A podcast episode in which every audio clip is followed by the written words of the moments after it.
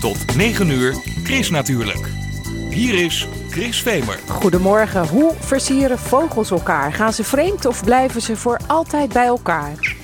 De kou bijvoorbeeld is behoorlijk trouw. Zangvogels die maken zich op voor de voortplanting en dat betekent dat er veel wordt gezongen. Ook in het Essenburgpark in Wording. Volgende week gaan de eerste nieuwe bomen de grond in. En de vos die voelt zich nu al thuis in het park dat een beetje lijkt op de Veluwe, vinden de bewoners. Maar dan zonder wilde zwijnen. De vikingen in het nieuwe kinderboek van Elisabeth Mollema die tillen graag varkens op. In Plaswijkpark is een vikingfeest waarop de Rotterdamse schrijfster voorleest uit haar nieuwe boek. Pauline Vijverberg is straks in de studio voor haar boek Het Suikervogeltje. Een historische roman over Rotterdamse weesmeisjes die op kosten van de VOC naar Zuid-Afrika reisden om er een man te vinden. Een soort boer zoekt vrouw avant la lettre. Je hoort er meer over vandaag in... Chris natuurlijk, met Chris Vemer.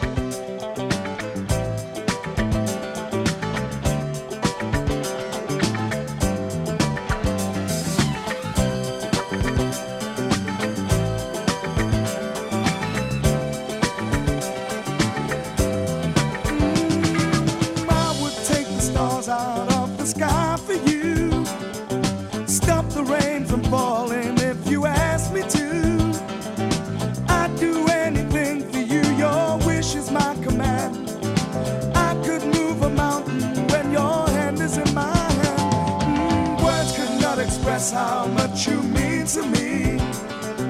There must be some other way to make you see. If it takes my heart and soul, you know I'd pay the price. Everything that I possess, I'd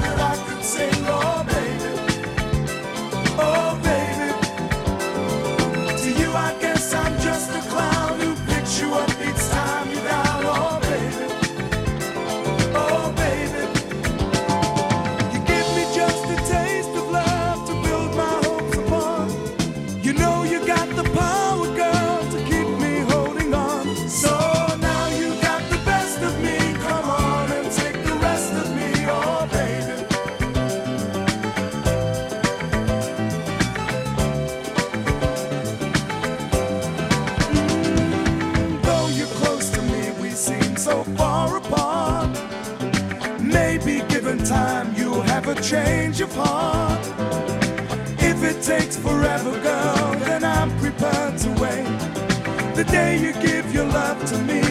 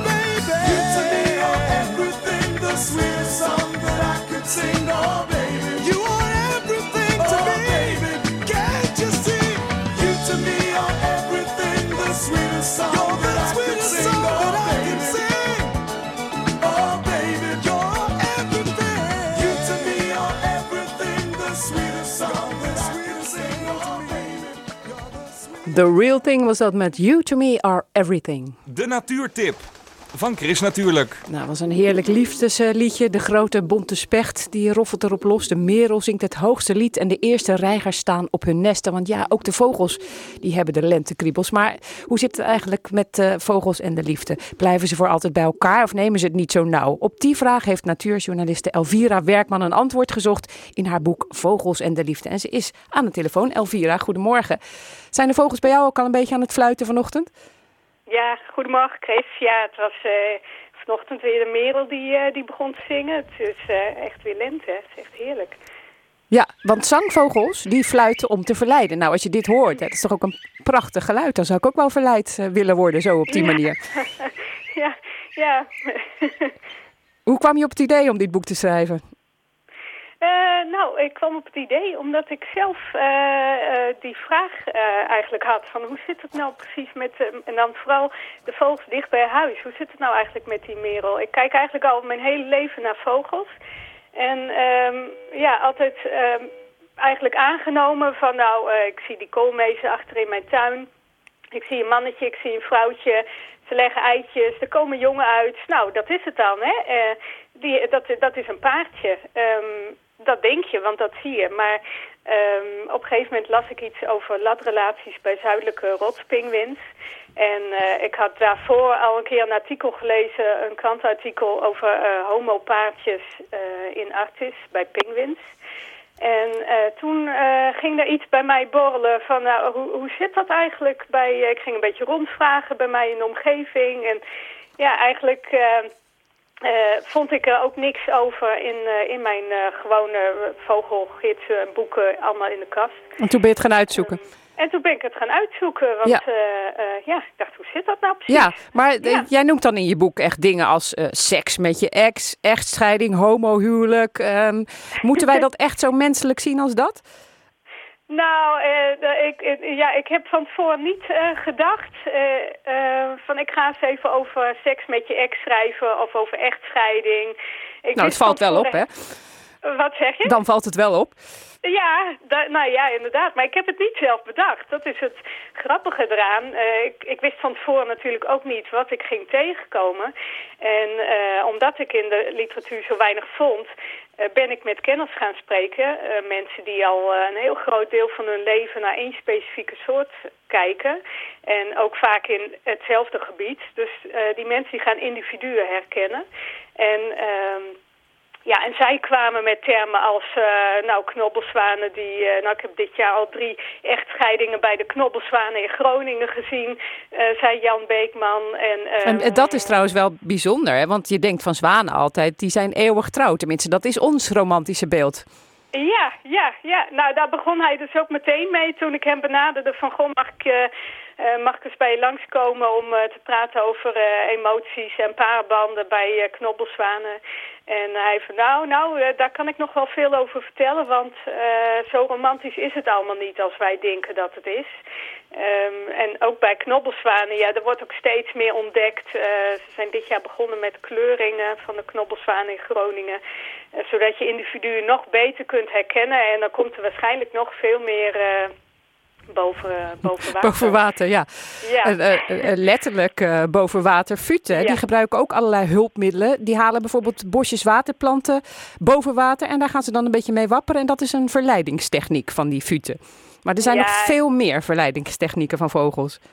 Ja, de, ja, eigenlijk elke soort eh, heeft zijn eigen verleidingstechnieken. De een doet het met zijn mooie veren, zoals de paradijsvogels bijvoorbeeld, een heel eh, exotisch eh, voorbeeld. En eh, ja, de ander gaat een mooi lied zingen, eh, weer een ander eh, doet een heel ingewikkelde dans. Ehm, ja, Fute is natuurlijk een prachtig voorbeeld. Je ziet ze op het moment weer overal in de sloot bezig met z'n tweetjes. En die spiegelen hun dans. Het is een vrij ingewikkeld balsritueel, duurt, duurt ook vrij lang. En ehm, ja, ze, ze doen elkaar exact na. Dat is zo bijzonder om te zien. En ze blijven het hele seizoen bij elkaar, had ik begrepen. De ja, futen. ja, Ja. ja. En, eh, hoe zit het met- we weten wel. Ja. Hoe zit het met roofvogels? Want eh, sommige soorten, las ik in je boek, die komen een lekker hapje, dat is- zijn de mannen dan, die komen een lekker hapje bij de vrouw brengen om haar te verleiden. Ja, ja, ja. Dat, eh, nou, de steenuil bijvoorbeeld is een heel mooi, eh, mooi soort die... eh, die, dat, eh, ja, dat, die is heel plaatstrouw. Eh, dus die heeft een territorium en in dat territorium broedt hij ook elk jaar, maar wel wisselende nestplekken heeft hij daar. Eh, dus het mannetje die zit al eh, vroeg in het voorjaar, dan zit hij te kijken van, eh, dan zit hij al een beetje af te tasten van nou, dit zou wel een geschikt plekje kunnen zijn of we gaan hier zitten broeden. Waar het jaar daarvoor een, een slecht succes of niet succesvol was vanwege plagen of zo, daar gaan ze ook niet meer zitten. Dus dat onthoudt hij allemaal. En nou, als hij denkt van nou, dit, dit vind ik een heel mooi plekje, hier wil ik wel gaan zitten broeden. Dan gaat hij daar een paar dagen op wacht zitten om het te verdedigen tegen andere uh, broeders. Uh, en dan, um, nou, als hij denkt, nou, nu is het moment, dan gaat hij met een prooi in de nestholte zitten. Bijvoorbeeld van een hele oude boom of zo. En dan, dan gaat hij daar zitten en dan roept hij het vrouwtje om, ja, om maar duidelijk te maken wat zijn bedoelingen zijn. En, maar uiteindelijk het vrouwtje kiest. Zij, want zij moet op het nest zitten en ehm, het mannetje brengt de prooi aan zolang zij op het nest zit. Uh, dan de eerste tijd komt zij er helemaal niet van af. Uh, ja, om even de behoefte te doen, maar dan is ze ook snel weer terug. Ze broeden niet samen. En hij zorgt dus voor prooi. En ook uh, als de jongen er zijn, dan brengt hij ook prooi aan voor zowel de jongen en het vrouwtje. Ja, over roofvogels gesproken. In de Biesbos is vorig jaar een paardje zeearenden uiteengedreven. Er kwam een nieuw jong vrouwtje aan. En dat nieuwe vrouwtje had dat oude vrouwtje weggejaagd en haar man ingepikt. Nou, dat is toch wel echt uh, iets van uh, slechte liefde, zou ik zeggen. Ja, ja, ze waren al vijf jaar bij elkaar, begreep ik. Ja. En, uh, en dan, ja, dan komt er een vrouwtje, maar die vrouwtjes die, ja, die zijn dominant. die bepalen. Dus. En die zijn ook echt een stuk groter hè, dan die mannetjes. Die zijn echt een stuk groter dan het mannetje. dus ja, die vrouwtjes die maken, maken de dienst uit eigenlijk. En um, ja, dat vrouwtje vond het kennelijk een aantrekkelijke plek om te broeden. Of uh, ja, je weet niet uh, hoe, hoe, dat in elkaar steekt, maar uh, dat schijnt wel een flink gevecht te zijn geweest. Ja, dat wou ik zeggen, want soms is het echt niet liefelijk wat je ziet. Hè? Nu ook in deze nee. tijd van het jaar. Vogels kunnen soms behoorlijk agressief zijn. Ja, het is echt niet allemaal roosgeur en maneschijn. Het, het, kan ook best wel ja, tot... tot flinke gevechten leiden en, en dat, er, dat er ook uh, slachtoffers bij vallen. Uh, dat, uh, bij ooievaars bijvoorbeeld, die kunnen elkaar zo toetakelen. Met die, en dan gebruiken ze ook echt hun lange, scherpe, puntige snavel als ja, ja spikhouweel. Uh, nou, uh, ja, een ja. beetje raar wordt in deze En, en nou ja, context. het komt dus wel eens voor dat, uh, dat, dat er een van de twee aan komt overlijden. Doordat hij, recht in het hart wordt getroffen door de snavel van de ander. Ja, nou laten we een beetje, een beetje liefelijk eindigen. Want de trouwste vogelsoort heb je voor het laatst bewaard. Ja, ja die staat als laatste in, in het boek. Nou, je hoort hem. Je hoort hem, Het hè? koudje. Ja, ja. Vertel, die blijven hun hele mooi. leven bij elkaar? Ja, die uh, blijven hun hele leven bij elkaar. Eigenlijk uh, tot hun derde jaar is het een beetje rommelen. Dan is het een beetje aftasten, een soort uh, puberen zou je het kunnen zeggen. Um, dan, dan zie je ook wel homorelaties of nou ja, dan is met die en dan is met die. Maar na hun derde dan, dan wordt het stabiel en dan, dan hebben ze over het algemeen een partner gekozen. En daar blijven ze hun hele leven lang uh, mee samen. En ze doen ook alles samen. Ze leven in groepen. Maar um, ja, let er maar eens op. Je ziet één kou op het station of in de stad. Je ziet één kou en binnen een straal van drie meter zie je de ander. Ze zijn gewoon onafscheidelijk. Ze slapen samen, eten samen. En uh, ook buiten de broedtijd brengt het mannetje wel eens eten aan voor het vrouwtje. Um, ja, dat, dat voldoet wel weer heel erg aan het zoete, aan ons beeld. liefdevolle plaatje. Ja. Ja. Elvira Werkman, dankjewel voor je verhaal. Ik eh, wens jou ook een hele mooie lente. Vogels Dankjewel. en de liefde van Elvira Werkman met prachtige tekeningen van Stef den Ridder. Kost in de winkel 14,95 euro. En er is één luisteraar die dit boek kan winnen. Bel, uh, kan winnen. Bel 010 436 4436, dan maak je kans.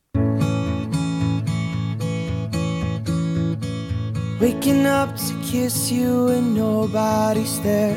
The smell of your perfume still stuck in the air. It's hard. Yesterday I thought I saw your shadow running round. It's funny how things never change in this old town. So far from the stars. Tell you everything. The words I never got to say the first time around. And I remember everything from when we were the children playing in this fairground. Wish I was there with you now. If the whole world was watching, I'd still dance with you. Drive highways and byways be there with you. Over and over the only truth. Everything comes back to you. Mm. I saw that you moved on with someone new. In the pub that we met, he's got his arms around you. It's so hard, so hard.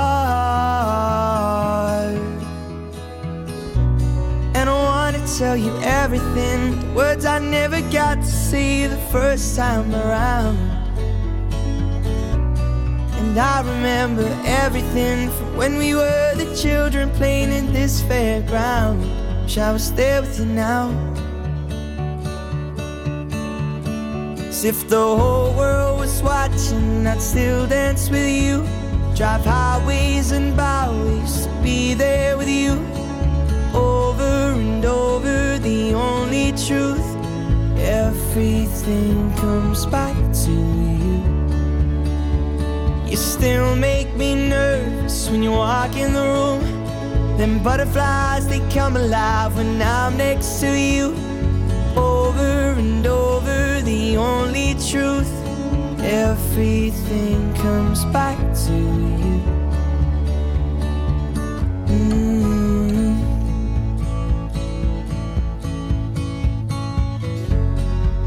Know that it's wrong, that I can't move on, but there's something about you.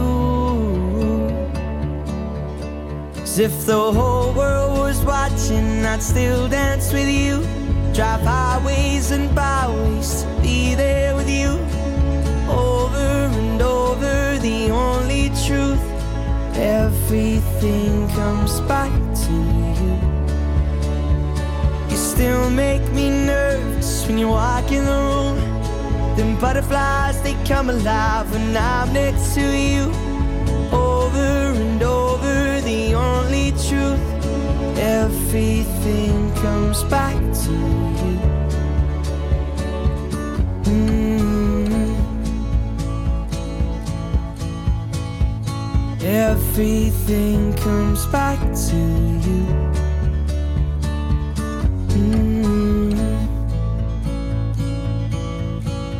Neil Horan, This Town. Chris natuurlijk. Lekker groen. Rotterdam-West krijgt er een mooi stuk groen bij, het Essenburgpark. Het park wordt zo'n 900 meter lang en 100 meter breed. Eigenlijk voegt het al het bestaande groene bewonersinitiatieven samen tot één groot aan één gesloten stuk groen, beheerd door de bewoners zelf. In de toekomst zou je zo zelfs van het Centraal Station tot aan het Roel Langerakpark door het groen kunnen lopen.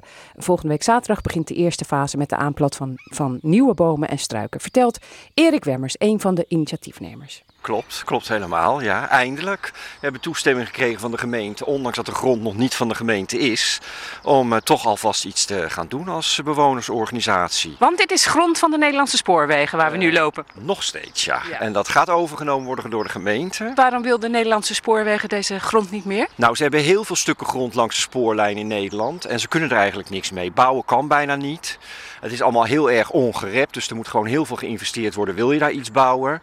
En eh, we gaan toch een beetje de kant op dat we groen willen en geen bouw. Eh, groen en nu is het nog een beetje rommelig. Nu is het nog rommelig, maar het blijft wel zo. Dus dit is wel de structuur van het Essenburg Park. Het wordt niet een aangelegd park zoals het Roel Langerak Park. Dit is eigenlijk een stukje Veluwe, vinden wij. Ja, gewoon midden in Rotterdam. En Alleen nu- geen herten Nee. en wilde zwijnen. Die komen er vast nog. Vossen lopen hier al, eh, roofvogels fladderen hier, vleermuizen. Ja, het is gewoon eh, ja, ongerept. Hier hebben natuurlijk ook jarenlang volkstuinen gestaan. En die hebben natuurlijk in de loop der jaren ook van alles nog wat geplant in het gebied. Wat er misschien eigenlijk niet in hoort. Wij laten het gewoon zoals het is. Dit is het unieke. Dit is ontstaan na al die jaren door het gebruik van de volkstuinen. En, eh, en de NS. En wij vinden gewoon dat het zo moet blijven. En nog meer vergroend moet gaan worden. En dat het van de NS is, dat kun je nog een beetje zien. Want aan het begin fietste ik langs een huis. Nou ja, het is eigenlijk geen huis. Nou, nu wel, maar het is gebouwd in eh, 1894 en het was het eh, Beukelsdijkstation. Wel heel leuk, een romantisch gebouw is Dat het. moet ook gewoon blijven. En daarom is dit stuk gebied, dit, dit is gewoon heel erg uniek. Dit vind je bijna nergens. Dus waar wij nu lopen op het pad, dat was eigenlijk de treinrails. Alleen nooit in gebruik genomen. En dus daarom nu lekker groen met prachtige hoge bomen al. Ja, klopt. Ja, die bomen die staan natuurlijk al jaren. Ik denk dat die bomen er misschien al wel 30, 40 jaar staan. En er zijn ook wat bomen gesneuveld. En uh, wij hebben dus nu uh, de mogelijkheid om alweer wat bomen terug te gaan planten. En dat gaan we ook doen op 4 maart. Is dat spannend dat het nu eindelijk gaat beginnen? Ja, heel erg spannend. Ik kan niet wachten. Ik had gisteren al willen beginnen. Maar laten we nou eens even vertellen waar we het eigenlijk over hebben, dit gebied. Want het is niet alleen dit stukje, maar het gaat veel verder. Het loopt inderdaad nog een heel stuk door. Dus we komen zo dadelijk door een Elzenbosje. En dat loopt dan eigenlijk door tot achter het Marningsgymnasium aan de Essenburg-Singel. En het is de bedoeling om dan naast de Diergaardentunnel ooit een bruggetje te maken. En die moet dus doorgaan naar de spoortuin, die aan de andere kant ligt. En zo zou je eigenlijk in de toekomst vanaf het Centraal Station hier gewoon het gebied in kunnen lopen. En kun je alsmaar recht doorlopen van park tot park. En uh, het is een groen lint. En dan ben je eigenlijk in een enorme grote stad, de tweede stad van Nederland. En je staat gelijk vanuit het Centraal Station al in het groen. Ongerept groen. En dat niet voor een klein stukje, maar een enorme strook aan eensluitend van alle allerlei parken. En, uh, ja, en, en dan dus ook het Essenburg Park. Dus wij denken dat dat gewoon een enorme aanwinst voor Rotterdam is. Maar ook voor daarbuiten. Jullie moeten het zelf gaan onderhouden. Dat is nogal wat, zeg.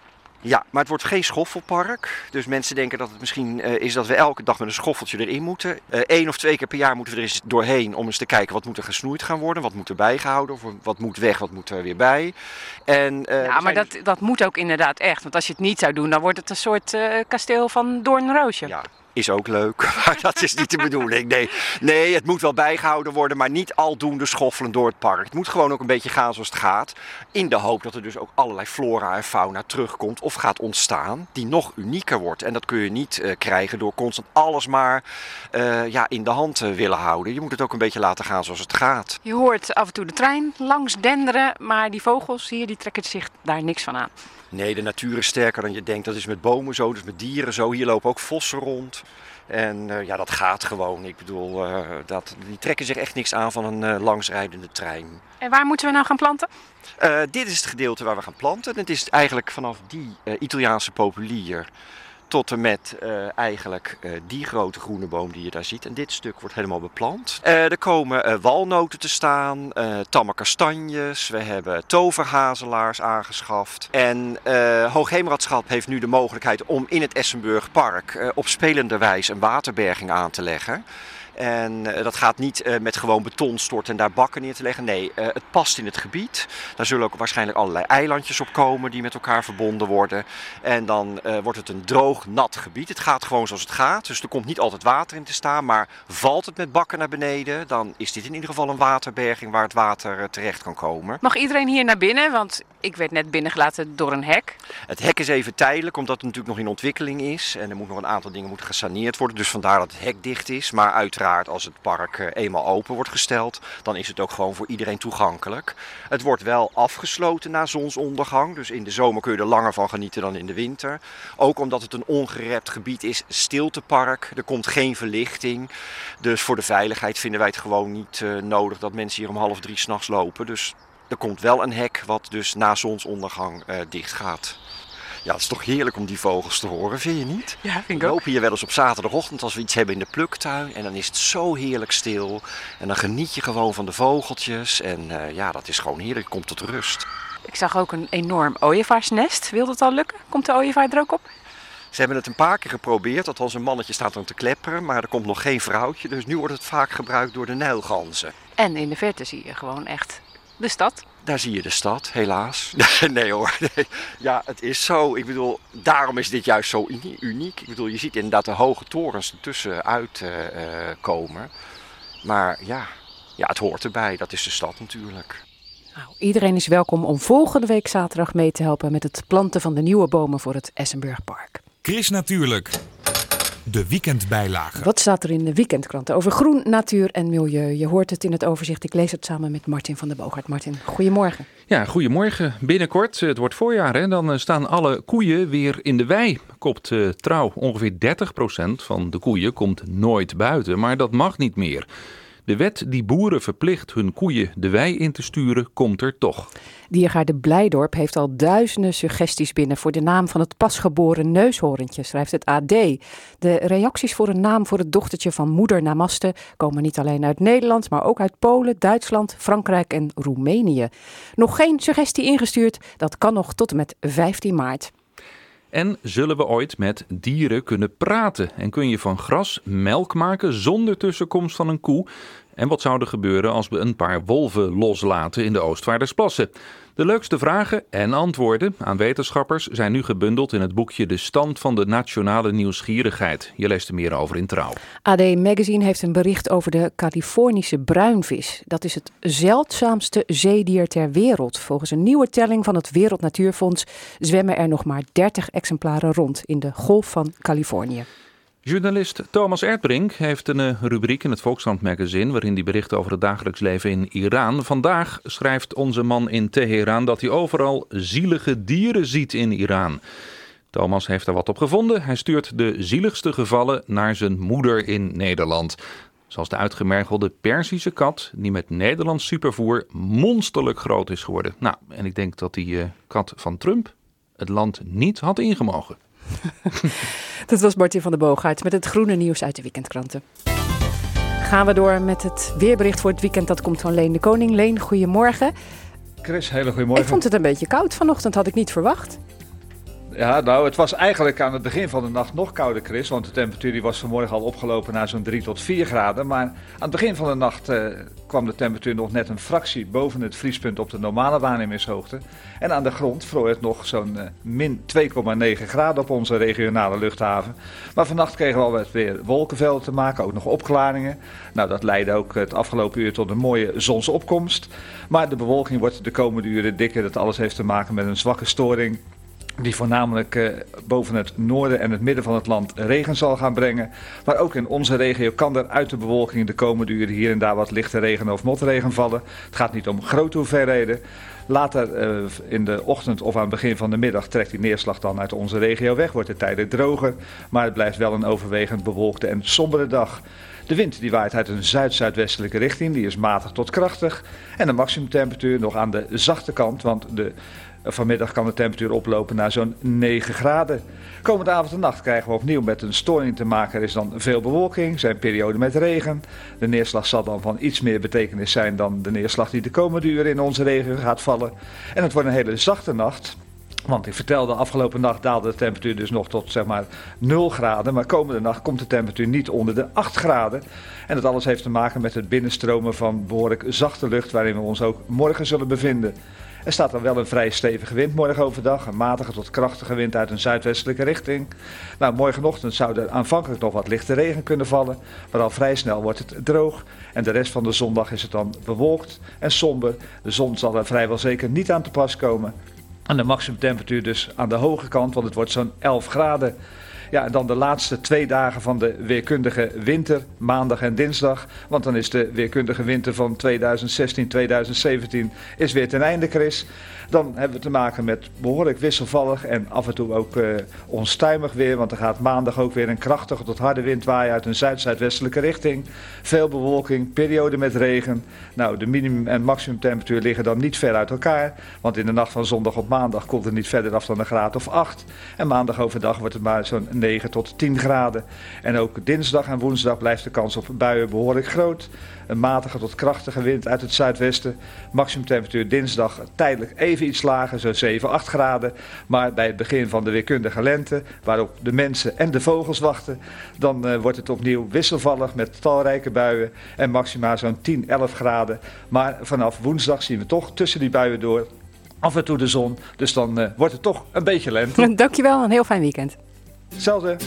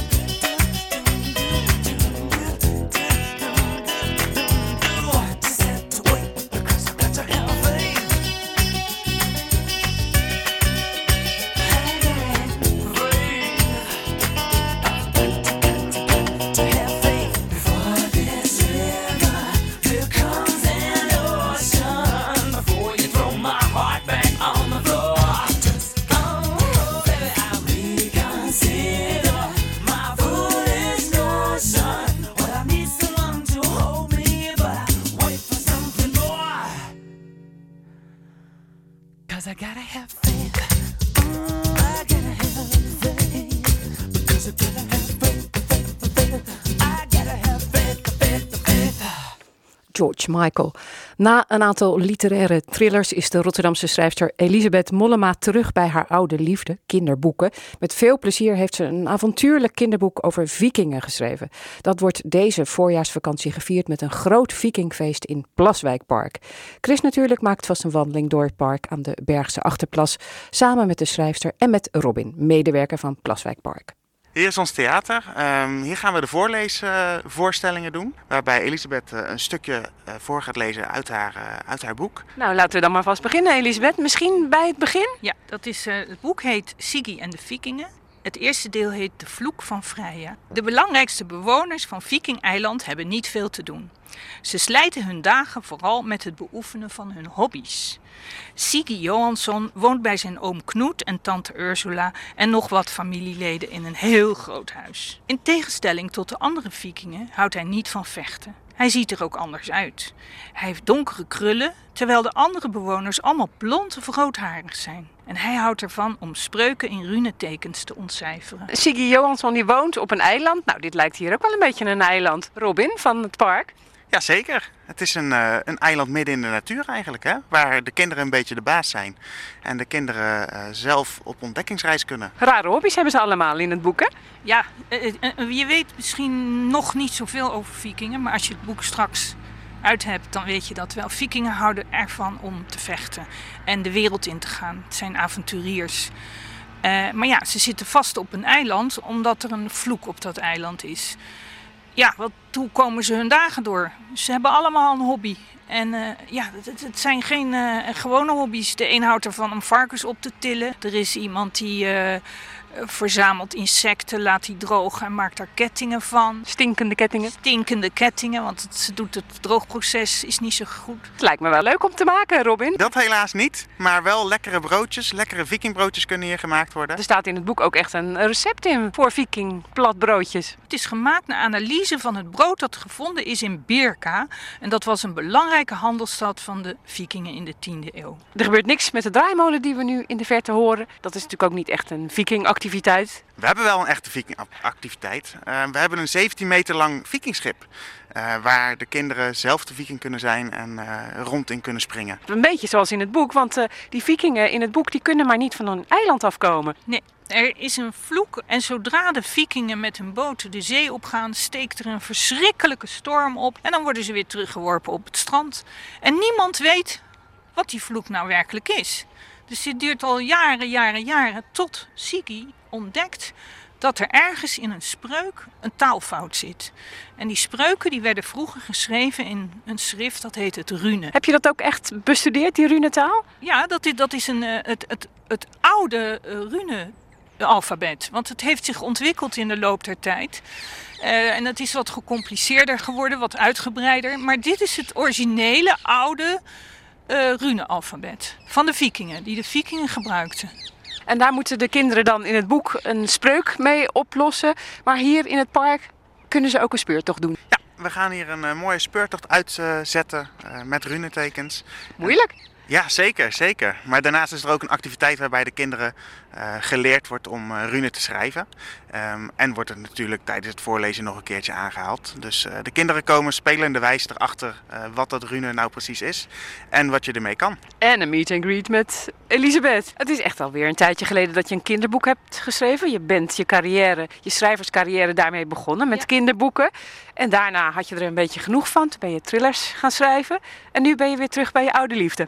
Inderdaad, ik ben weer terug bij mijn oude liefde. Ik, ik had ongeveer 70 kinderboeken geschreven. En uh, na zes thrillers begon ik het echt ontzettend te missen. We zien hier een prachtig koetje staan. Koeien, dat hebben ze ook op het eiland. Koeien hebben ze, uh, schapen, uh, varkens, ganzen, eenden, kippen, de hele rattenplan. En dat heb jij ook echt uitgevonden dat ze dat ook hadden in de tijd van ja, de vikingen? Ja, het waren landbouwers, maar uh, het gros van de vikingen komt uit uh, Noorwegen, die kusten. En daar is eigenlijk heel weinig land, alleen maar langs die kust.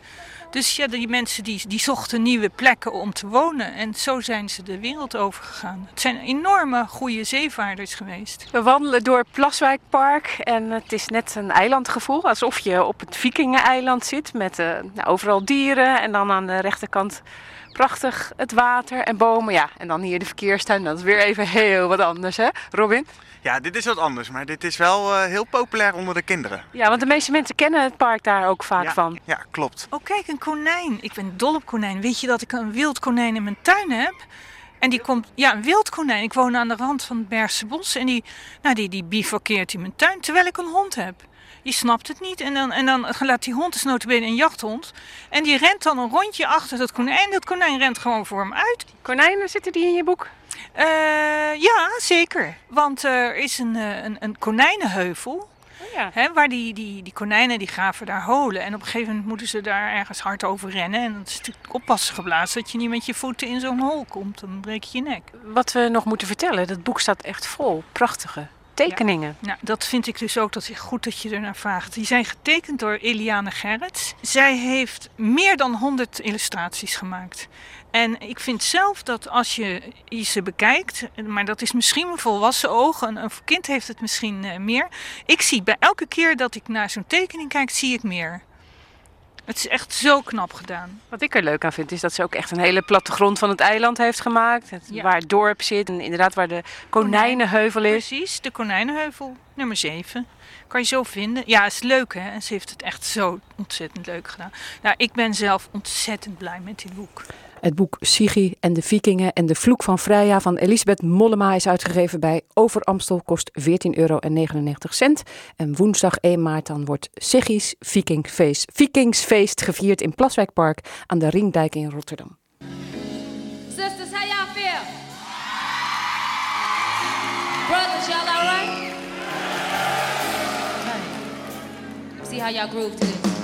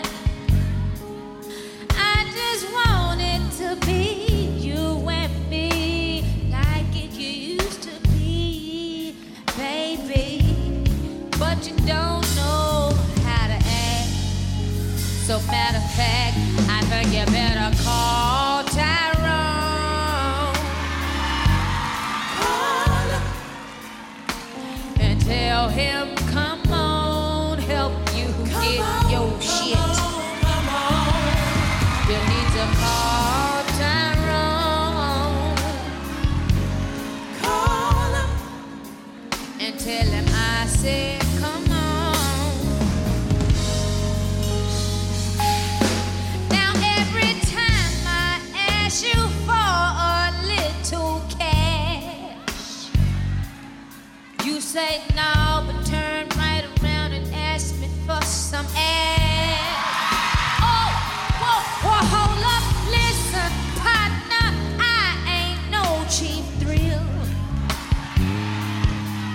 this Badu's always coming for real. You know the deal, nigga.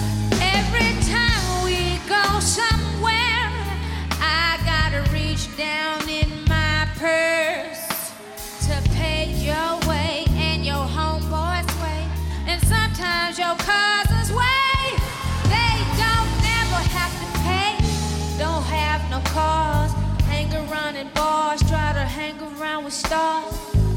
Like Badu, I'ma tell you the truth, show and prove, booking the food. I think you better call him and tell him, come on, help you get your shit. You need to Erika Badu, Tyrone. Chris natuurlijk. Lekker lezen. Het is een soort vroege versie van Boer zoekt vrouw internationaal. Weesmeisjes uit Rotterdam die in de 17e eeuw op uitnodiging van de VOC naar Zuid-Afrika reizen om daar te trouwen met eenzame Hollandse kolonisten. Je leest erover in Het Suikervogeltje, een historische roman van Pauline Vijverberg. En de schrijfster is hier om te vertellen over haar boek. Pauline, goedemorgen. Jij bent natuurlijk tijdelijk eh, in Nederland om je boek te promoten. Je woont in Zuid-Afrika. Ik denk dat je geen weet hebt van Boer zoekt vrouw. Hè? Een hele populaire televisieserie is dat. En daar zijn Hollandse boeren in het buitenland op zoek naar een Nederlandse vrouw. Nou, dat was in 1688 niet anders, zou je kunnen zeggen. Nee, goedemorgen Chris. Bruid noem ik het ook wel. Ehm, ze werden uitgenodigd door de heren 17 van de VOC. Want eh, ik denk dat moeders niet zomaar hun dochter de grote oceaan overstuurden naar het onbekende. Want het was natuurlijk eh, 1688 en wat er allemaal daar zo op het Zuid-Afrikaanse Zuid-continent eh, afspeelde was zo onbekend nog. Ja, en hoe kwamen dan de mensen van de VOC en ook de gouverneur van Kaap de Goede Hoop, Simon van der Stel, bij het Burgerweeshuis in Rotterdam terecht? Ja, ik denk dat ze allerlei weeshuizen geprobeerd hebben. Maar ik heb alleen dit weeshuis in Rotterdam ehm, in mijn onderzoek a- gevonden. En deze acht meisjes, die, eh, de, de- dat heb ik in de archieven teruggelezen. Maar ik denk dat er nog ook in Amsterdam ehm, gezocht is naar meisjes. Ja, ja, want op zich is het misschien een goede mogelijkheid. Hè? Want als weesmeisje had, die, had je in die tijd heel weinig te kiezen, denk ik. Je, ja, je werd wel goed begeleid in het weeshuis. Ze kregen naailes en op hun achttiende moesten ze het huis verlaten. En dan konden ze een, een beroep zoeken als, als dienstmeisje of zo. Maar dit avontuur is natuurlijk ook ehm, spannend. En ik denk wel dat ze deze meisjes zo'n kans zagen en ehm, ook in het diepe sprongen. Ja, zeker. Nou, die meisjes eh, uit het burgerweeshuis, eh, die werden op de boot van de VOC eh, gezet. Dat is allemaal echt gebeurd. En wat ik zelf wel heel bijzonder vond, was... Ik dacht, nou, dan ga je gewoon vanuit Rotterdam. Maar dat was niet zo. Ze moesten dus eerst met een kleinere boot vanuit Rotterdam naar Goeree. En daar stapten ze pas echt op dat grote schip. Ja, eerst met een trekschuit en dan weer naar een andere trekschuit. En dan eh, naar Goeree, daar lagen die grote schepen. Dan moest je met een klein bootje naar zo'n VOC-schip toegevaren, eh, toegevaren worden. En dan begon de grote reis. Het hing af van de wind of het eh, daar bij Goeree was of in het noorden van Nederland. Ja. Maar deze meisjes kozen Ko- kozen voor Goeree, ja. En dat was een hele zware reis. Daar schrijf je ook over in het boek. Ja, ze wisten niet of dat hing ook af van de wind of het vier of zes maanden zou duren. En ehm, we hebben het nu over 1688. Toen was er nog ook weinig bekend over ziektes. Daarom was ook eigenlijk die, dat verversingsstation in de Kaap geopend. Want het was de reis op weg naar Batavia. En heel veel zieken konden daar aan land. En Ja, dus de Kaap was eigenlijk een soort tussenstation voor de verdere reis. Ja, Ja. ja. precies. Maar de VOC zag toen, omdat de scheepvaart, eh, eh, omdat er meer schepen langsvoeren, zag de VOC een kans om daar eh, een handel van te maken en groenten te verbouwen. Dus zo kwamen die eerste boeren daar. Ja, en die waren heel eenzaam. En die, waren, En die zochten een vrouw. Die zochten een vrouw. Ja. ja. En daar, daar schrijf je dus over. Hoe ben je nou op dit verhaal gestuurd? Voor het eerst heb ik gelezen, erover gelezen in zo'n historische roman van James Michener. Die beschrijft helemaal de geschiedenis van Zuid-Afrika tot 1984. En daar kwam een vrouw in voor ehm, die een nichtje van de koning werd genoemd. En eh, zij kwam uit een. Zij, zij is een fictief iemand, maar ze kwam uit een weeshuis in Amsterdam. En vandaar ben ik, eh, dat fascineerde mij, dus daar ben ik een beetje onderzoek naar gaan doen. Ja, en toen kwam je er dus achter dat er echt weesmeisjes, maar dan uit Rotterdam naar Zuid-Afrika zijn eh, gegaan.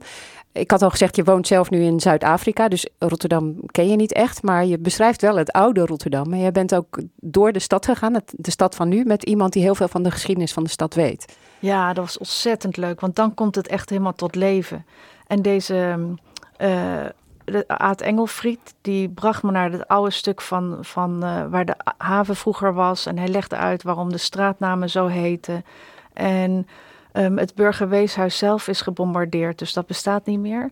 Maar hij wist wel eh, een aantal oude gebouwen, dus ik heb voor mijn gevoel wel door de straten van die tijd gelopen. Ja, en dat beschrijf je ook zo. En dat doe je net zo als de, de meisjes dus aankomen in Zuid-Afrika. Er zijn twee meisjes die een hoofdrol spelen. Eigenlijk eentje vooral, en dat is Ariane. Wat, wat is dat voor iemand? Ja, Ariane is denk ik, ehm, heb ik ingekleurd als eh, een avontuurlijke, sterke vrouw. En haar antagonist is het zusje Willemijn. Dat is, die, die wil altijd terug. En die, ehm, maar die wilde ook niet zonder haar zusje achterblijven. En Ariane, ehm, die heeft een eh, huidafwijking waar we nu zeg maar in deze eeuw achter zijn gekomen door onderzoek. Dus ik stel me voor dat omdat ze die symptomen had van die ziekte, dat ze altijd heel gefascineerd was door eh, geneesmiddelen en inheemse kruiden.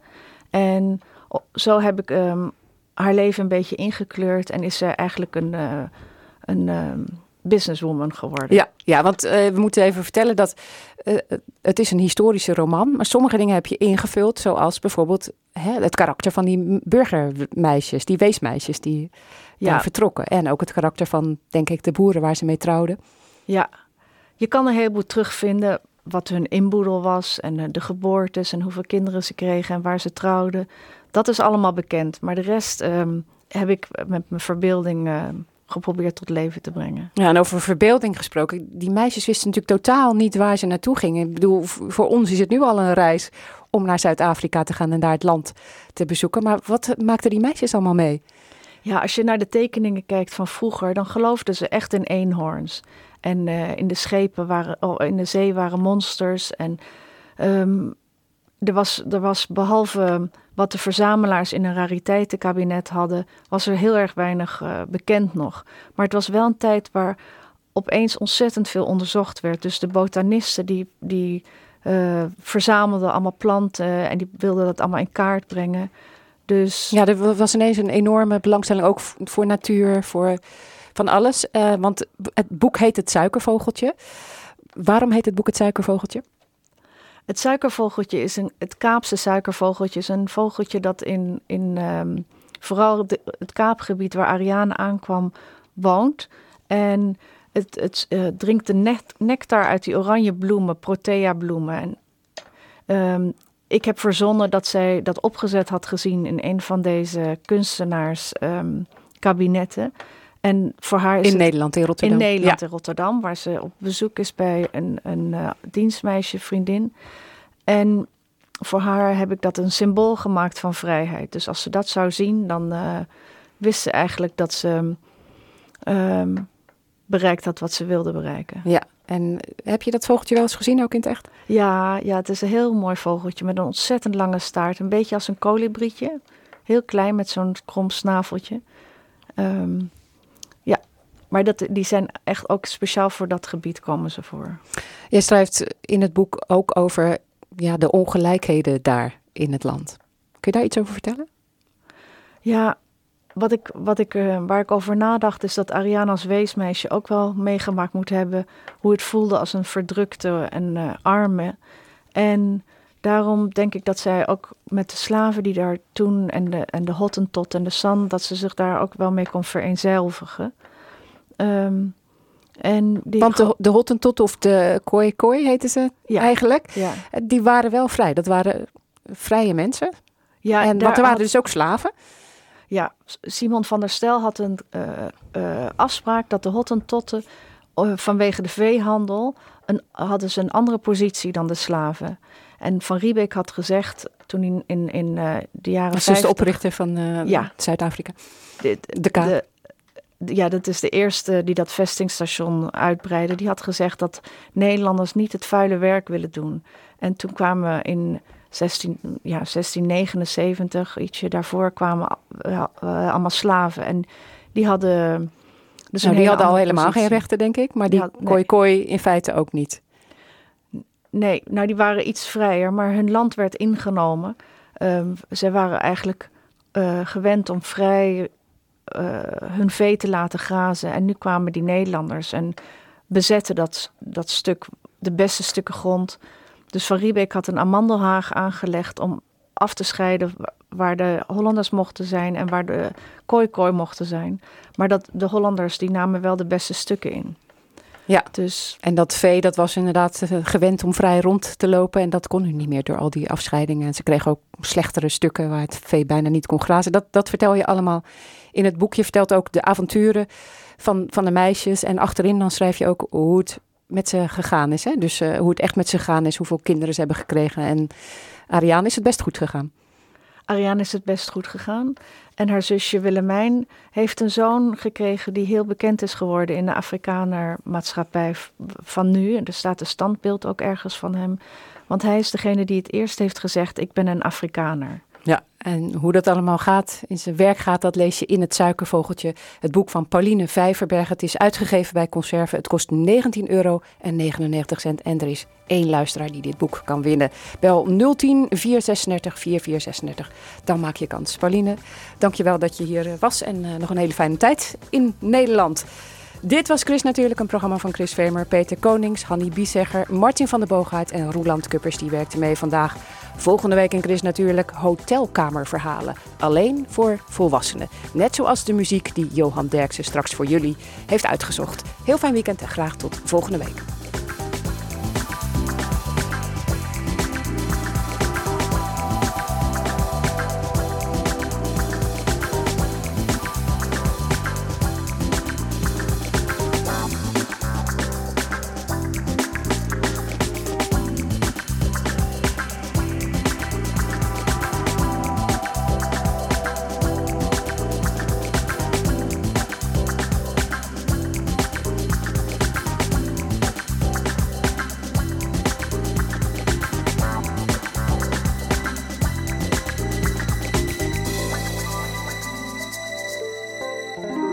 Natuurlijk. Kijk ook op chrisnatuurlijk.nl